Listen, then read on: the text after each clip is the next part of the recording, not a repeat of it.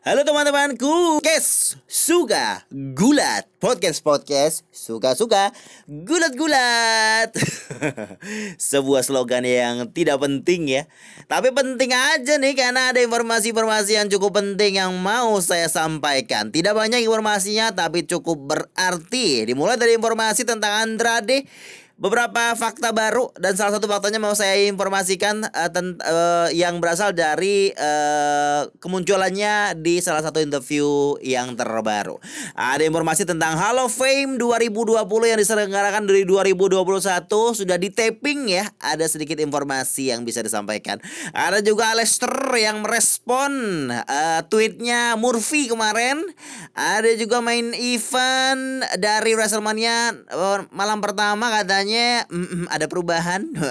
Terus juga du kemungkinan ada dua uh, dua ini. Dua pegulat yang uh, wanita yang akan pegulat wanita ya lebih tepatnya pegulat wanita yang akan uh, bergulat selama dua kali. Malam pertama dan malam kedua. Mantap nggak tuh? Terus juga ada kabar terkait tentang kick offnya WrestleMania Selengkapnya di podcast Suka Gulat. Jadi Andrade baru-baru ini berbicara di media call yang di uh, bawakan oleh seorang pewarta yang namanya Mas Luca. Kayaknya dia punya istri namanya Mbak Luca. Bukan dong, itu bahasa Spanyol sepertinya ya. Jadi uh, Andrade itu mengungkapkan kalau dia itu pernah ditawarkan untuk return ke NXT sebelum dia keluar dari WWE, tapi dia tidak mau. Dia tidak mau bukan berarti dia meremehkan ataupun membu uh, berpikir kalau NXT itu downgrade ataupun kayak dia malah turun ke bawah lagi enggak. Dia hanya prefer untuk uh, muncul di Raw ataupun SmackDown aja. Ini diungkapkan dia dalam uh, podcast ataupun media call tersebut di mana hal tersebut ditawarkan oleh Triple H. Jadi dia kan gak dipakai nih di Raw ataupun SmackDown. Dia Triple H nanya pada saat conference call, dia bilang gimana kalau NXT lagi katanya. Terus Andrade bilang saya lebih men, lebih lebih pilih di apa kesempatan untuk di Raw ataupun SmackDown. Ya seperti yang kita ketahui itu tidak dikabulkan dan juga mungkin kreatif bingung mau dipakai untuk apa Andrade saat Zelina Vega udah pergi. Soalnya menurut saya ya dari awal di NXT dia debut itu tahun 2016 kalau nggak salah bulan Juni itu ya NXT jadi seorang babyface. Dia debut tidak begitu memberikan dampak yang signifikan sampai Zelina Vega dipilih untuk mendampinginya sebagai manajer. Di situlah uh, powernya bisa dibilang powernya Zelina Vega bisa bisa membuat Andrade jadi lebih uh, banyak orang jadi tertarik melihat dia gitu loh performancenya. Dan juga itu membuat dia mendapatkan uh, eh, NXT Champion pada saat uh, first uh, takeover War Games. War Games pertama dari take over di pay per view take overnya untuk NXT dan dia memberikan match yang luar biasa bisa dibilang five star match ya match yang bintang 5 gitu. Uh, bersama jo, jo, Johnny Gargano waktu di eh gimana sih? Oh iya benar benar. Di uh, bersama Johnny Gargano dua bulan kemudian waktu setelah uh, take over War Games itu dan akhirnya dia pindah ke main roster di bulan April 2018. Dan ini adalah kemunculan keduanya ya di sebuah uh, interview sebelumnya di yang sudah saya informasikan di uh, episode sebelumnya di mana highlightnya sudah saya ceritakan juga tapi ini salah satu aja nih ya dari uh, media call hosted by Mas Lucha ini. Bagaimana teman-teman? Apakah uh, misalnya kalau misalnya si Andrade di NXT pun apakah Andrade bisa uh, memberikan ataupun menjadi sebuah bintang lagi selayaknya dia di Raw dan juga SmackDown? Ataukah itu keputusan yang salah menolak uh, penawaran dari Triple H untuk kembali ke NXT ataukah keputusan yang benar ketika dia meninggalkan WWE saat sekarang ini kita tidak akan tahu sampai dia muncul di salah satu promosi gulat. Entah di mana itu, belum terungkap sampai sekarang. Selanjutnya kabar tentang Hall of Fame Ceremony untuk 2020 dan 2021. Jadi tappingnya atau rekamannya itu sudah dilaksanakan untuk yang 2022 ya. Jadi yang 2021 terpisah nih, rekamannya dua kali berarti. Dan akan ditayangkan rekaman tersebut di tanggal 6 April waktu setempat ya hari Selasa kayaknya hari Selasa itu berarti kita dapatnya di pagi hari Rabu ya di tanggal 6 A, 7 April. Kita 7 April atau 6 April ya? Kita dapatnya di 7 April pagi.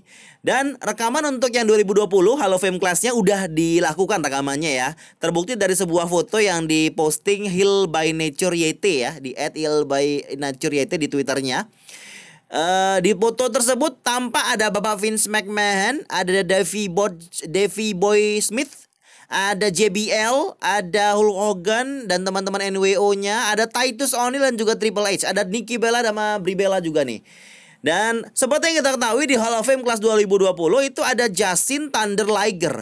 Tapi dari foto ini tidak terlihat kalau ada Justin Thunder Liger di sini ya di fotonya ya. Ataukah mungkin ada pada saat uh, seremoninya ataupun dia seremoninya itu via live streaming, via Zoom ya atau via Skype begitu, secara virtual karena dia sekarang dia dia hidupnya di Jepang gitu. Dia tinggal di Jepang begitu ya. Dan uh, ini jadi pertanyaan apakah Jason Thunder Liger akan di uh, diindak secara virtual ataukah dia hadir di acara tersebut tapi nggak ikut berfoto. Padahal di foto ini kayaknya semuanya ada. Dan orang juga bertanya, gimana Titus O'Neil? Kok ada Titus O'Neil di sini? Ya sempat ada cerita juga, ada kabar dari backstage juga. Tadi Titus O'Neil itu salah satu penerima Hall of Fame, uh, Hall of Fame uh, induksi, tapi untuk yang Warriors Award. Ini kayak side dishnya ya, kayak uh, tambahannya, uh, penghargaan tambahan karena memang uh, dia aktif dalam uh, melakukan kegiatan sosial begitu ya. Dan uh, si ini si Justin Thunder Liger hidup di Jepang, tinggal di Jepang, itu nggak ada di foto ini. Kayaknya dia uh, di adakan ataupun dia memberikan pesan dan menerimanya secara virtual begitu. Dan jadi pertanyaan juga untuk The Great Kali. Kali waktu dia diumumin kalau dia masuk Hall of Fame, dia kan lagi di India. Dia tinggalnya di India. Kemungkinan besar Great Kali untuk induksinya Class of 2021 yang akan di taping setelah ya mungkin besok atau beberapa hari lagi ya sebelum uh, tanggal 6 April tentunya pasti dia kemungkinan tidak ada. Itu ya. Dan juga dalam foto ini kita tahu tidak ada Batista. Batista itu akan diinjak di Hall of Fame ceremony ketika nanti sudah ada penonton dan pandemi sudah berakhir begitu. Jadi nanti untuk 2021 yang sudah mau mulai di tapping lagi itu akan ada Great Kali, ada Kane, Eric Bischoff, Molly Holly dan juga Rob Van Dam. Kita lihat saja ke depannya informasi-informasi berikutnya dan kita nantikan juga ya acara Hall of Fame Ceremony untuk 2020 dan 2021 menjelang WrestleMania. Kabar berikutnya datang dari orang yang entah ke WWE lagi tapi aktif di sosial media. Dialah Aleister Black. Jadi ramai kemarin uh, sempat diperbincangkan apakah Aleister Black akan punya match dengan Murphy karena Murphy mengajak dia match untuk WrestleMania 37. Dan uh, Aleister Black tidak merespon hal tersebut sampai akhirnya dia respon. Jadi ini orang membuat fans berspekulasi kayaknya si Murphy sama Aleister bakal ada match di WrestleMania 37. Tapi saya nggak yakin sih. Tapi Aleister Black mem, eh, mem, memperkuat rumor tersebut. Jadi si Buddy Murphy kan bilangnya gini, wanna steal the show at WrestleMania? Terus di tag uh, Aleister di WWE Aleister gitu. Ternyata dikasih wing gitu emoticon. Dan direspon setelah beberapa hari oleh Aleister Black dengan foto. Foto kostum gulatnya bro. Apakah ini pertanda baik? Ataukah hanya troll beraka, prank belaka yang membuat fans berharap-harap? Ataukah ini usaha mereka berdua untuk mendapatkan match ya? Untuk mendapatkan match dengan menghypekannya di sosial media. Gimana? Kalau saya sih setuju-setuju aja kalau mereka ada match. Tapi kalau tanpa cerita tiba-tiba match dengan uh, respon di Twitter begitu kayaknya nggak mungkin juga match uh, seperti yang di build up dengan sedikit begitu munculnya di WrestleMania begitu. Iya gak sih? Ngomong-ngomong soal sosial media nih, ada hal yang menarik terkait uh, WrestleMania untuk malam pertama. Di mana di WrestleMania malam pertama kata orang-orang nih itu main eventnya adalah WWE Champion di mana Drew melawan Bobby Lashley. Tapi sepertinya akan berganti menjadi Sasha Banks melawan Bianca Belair dan sudah confirm katanya. Ini dikabarkan oleh Bapak, iya Bapak lagi. Uh, Mbak Sasha Banks waktu di interview oleh WWE Germany. Dia bilang dia matchnya bersama Bianca akan jadi main event untuk malam pertama di WrestleMania 37. Ini menggeser posisinya Bobby Lashley dengan Drew McIntyre. Drew McIntyre pun sempat menyinggung ini pada saat dia promo di Raw kemarin. Dia bilang saat sekarang ini kok orang kalau mau minta uh, main event tinggal ngomong di sosial media ya. Begitulah kurang lebih dia ngomongnya. Dia agak protes gitu. Tapi ternyata sayang sekali nih Bapak Drew Anda tidak dapat main event. Tetapi muncul kabar lagi. Kemarin kan saya sempat ngomong nih terkait tentang uh, di WrestleMania ini uh, apa namanya? Untuk malam pertama pembukanya harus match yang spektakuler. Ada yang bilang kata katanya matchnya akan ada Cesaro sama si ini si Seth Rollins. Memang mereka bakal still the show. Tapi dengan main event malam pertama menjadi Sasha Banks dengan Bianca berarti harus ada match besar di awal. Match besarnya tersisa ya Drew McIntyre lawan Bobby Lashley dong. Jadi kemungkinan lagi nih Bobby Lashley akan melawan Drew McIntyre di WWE Championship di match pertama. Kalau ini terjadi di match pertama, kemungkinan besar Drew harus menang. Karena kalau Bobby menang, tidak fantastis dan spektakuler dong pembukaan WrestleMania. Setuju nggak? Harus babyface yang menang. Tapi di mana pun spekulasi dan rumornya, apa pun itu, match pertama harus jadi pembuka yang spektakuler karena ini adalah sejak pandemi ini pertama kalinya WWE mendatangkan penonton yang umum di venue yang besar di match WrestleMania. Gak sabar saya. Kabar berikutnya yang sudah saya sampaikan tadi ya uh, teasernya sebelum kita mulai terkait tentang dua pegulat yang akan kemungkinan uh, bergulat di dua malam WrestleMania 37. Ini sesuatu yang spesial ya, walaupun mungkin matchnya hanya kecil-kecilan beraka, match-match filler aja, tapi ini luar biasa karena nggak ada yang lain di semua talent yang ada match di WrestleMania 37 itu mendapatkan match dua kali, malam satu dan malam kedua gitu.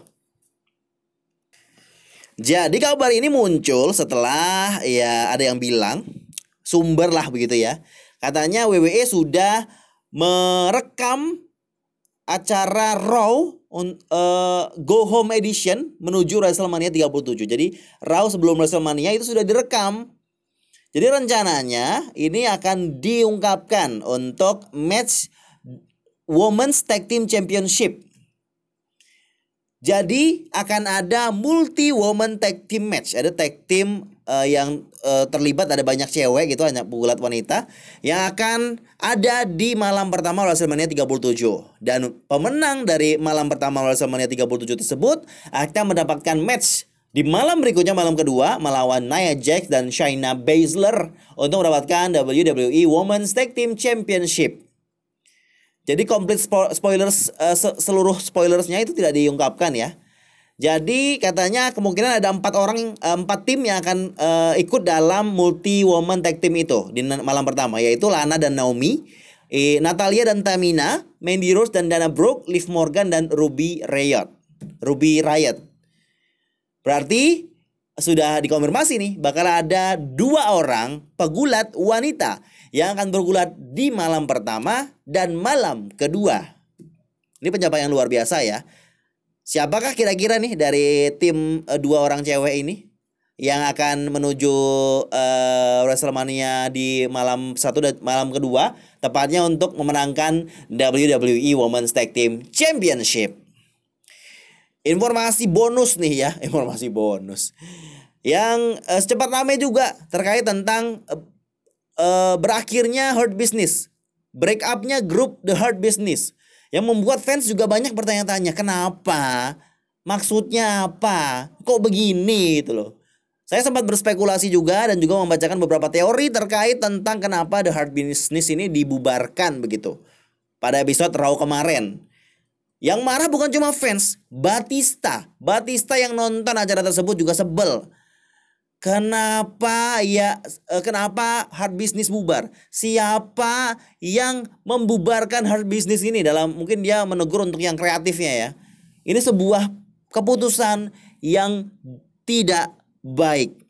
Tapi dengan tweet itu belum ada yang respon juga nih dari MVP, Leslie, Benjamin ataupun Alexander tidak ada tidak ada respon begitu ya.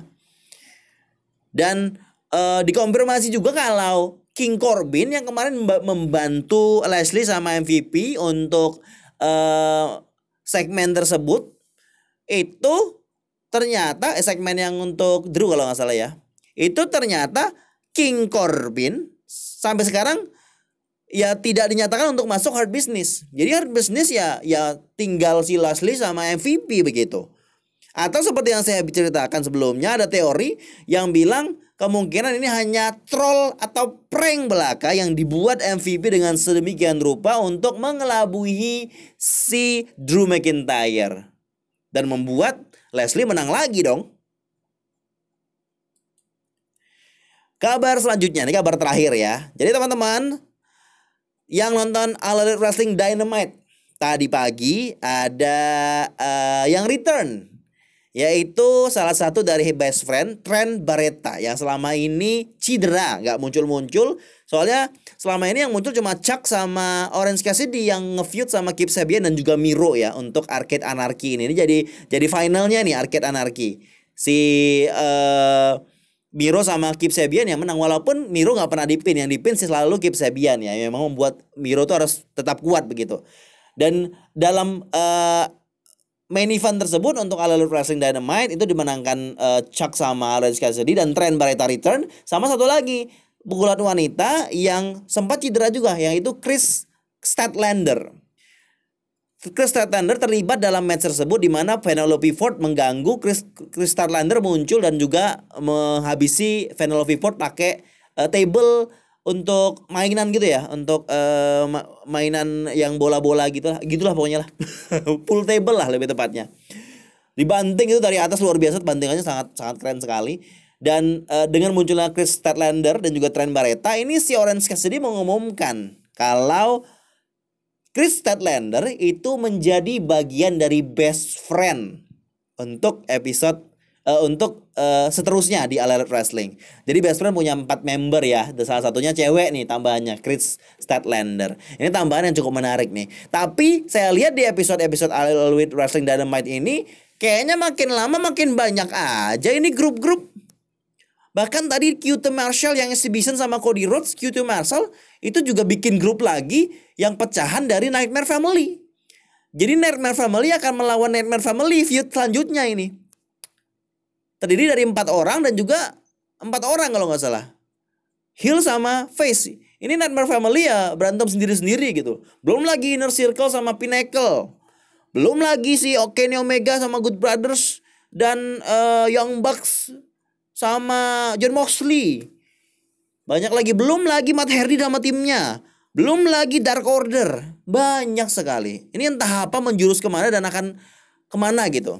Tapi kalau dilihat-lihat memang pembentukan dari grup-grup ini tujuannya biar setiap orang mendapatkan spot, setiap orang mendapatkan TV time dan mendapatkan storyline begitu. Jadi mungkin untuk kebaikan bersama, adil begitu ya. Kayak Sean Spears masuk ke Pinnacle, dia jadi dapat TV time. Kalau dia nggak masuk ke Pinnacle, Sean Spears ya akan jadi olok-olokan belaka dong. Tapi episode Alawid Racing Dynamite tadi luar biasa keren. Saya sudah nonton juga, mantap-mantap matchnya. Kenapa saya memilih nonton Elite Wrestling Dynamite dan juga NXT? Simple. Saya pengen yang baru aja gitu loh. NXT kan udah lama muncul. Ya bagian dari WWE saya pengen yang baru aja, pengen sesuatu yang fresh. Memang Elite Wrestling memberikan kita yang fresh, sangat fresh. Walaupun ada beberapa ya bisa dibilang jadi freshnya itu bukan cuma talentnya, tapi storyline-nya, cara mereka mengolah sebuah feud dan lain sebagainya. Walaupun kalau ngomong soal fresh, ya lihat sendiri ada yang tua-tua di situ. freshnya yang saya bilang ini fresh dari tontonan, pengolahan dan kreatif. Yang selama ini kita nonton cuma WWE aja, WWE aja, WWE aja. Nah, saya lihat alur wrestling nih, walaupun saya nggak nonton NJPW, NJPW, NJPW sesuatu yang yang sangat berbeda lagi ya, jauh ya. Saya mengikuti alur wrestling. Itu sih simple jawaban saya. Terima kasih buat teman-teman yang sudah mendengarkan podcast Suka Gula. Dengarkan terus ya, jangan lupa di-share juga ke teman-temannya, kasih tahu kalau podcast ini beda dari yang lain, tidak tidak sama dengan yang lain dan sering update-nya insya Allah. Doakan saja semoga saya terus upload ya. terima kasih. Terima kasih. Saya lagi terima kasih. Thank you Gilang. Pamit di sini nih ya, Gilang Wrestling dari podcast Suka Gulat. Teng teng teng.